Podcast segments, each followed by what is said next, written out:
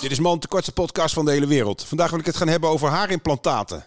René, jij bent eh, zuinig op je haar. Je hebt hartstikke mooie haardos. Zeker. Maar eh, heb jij wel eens ge- mensen gezien die eh, mannen haarimplantaten... of tenminste haarimplantatie hebben gedaan? Wat vind je daarvan? Ja, lekker zelf weten toch? Ik ben niet van het body shamen of het haar shamen. Nou, het gaat niet om het shamen, maar ik vind de stijl vaak niet goed. Het wordt vaak in Turkije gedaan, dat is goedkoper en dan denken ze dat ze dat heel goed kunnen.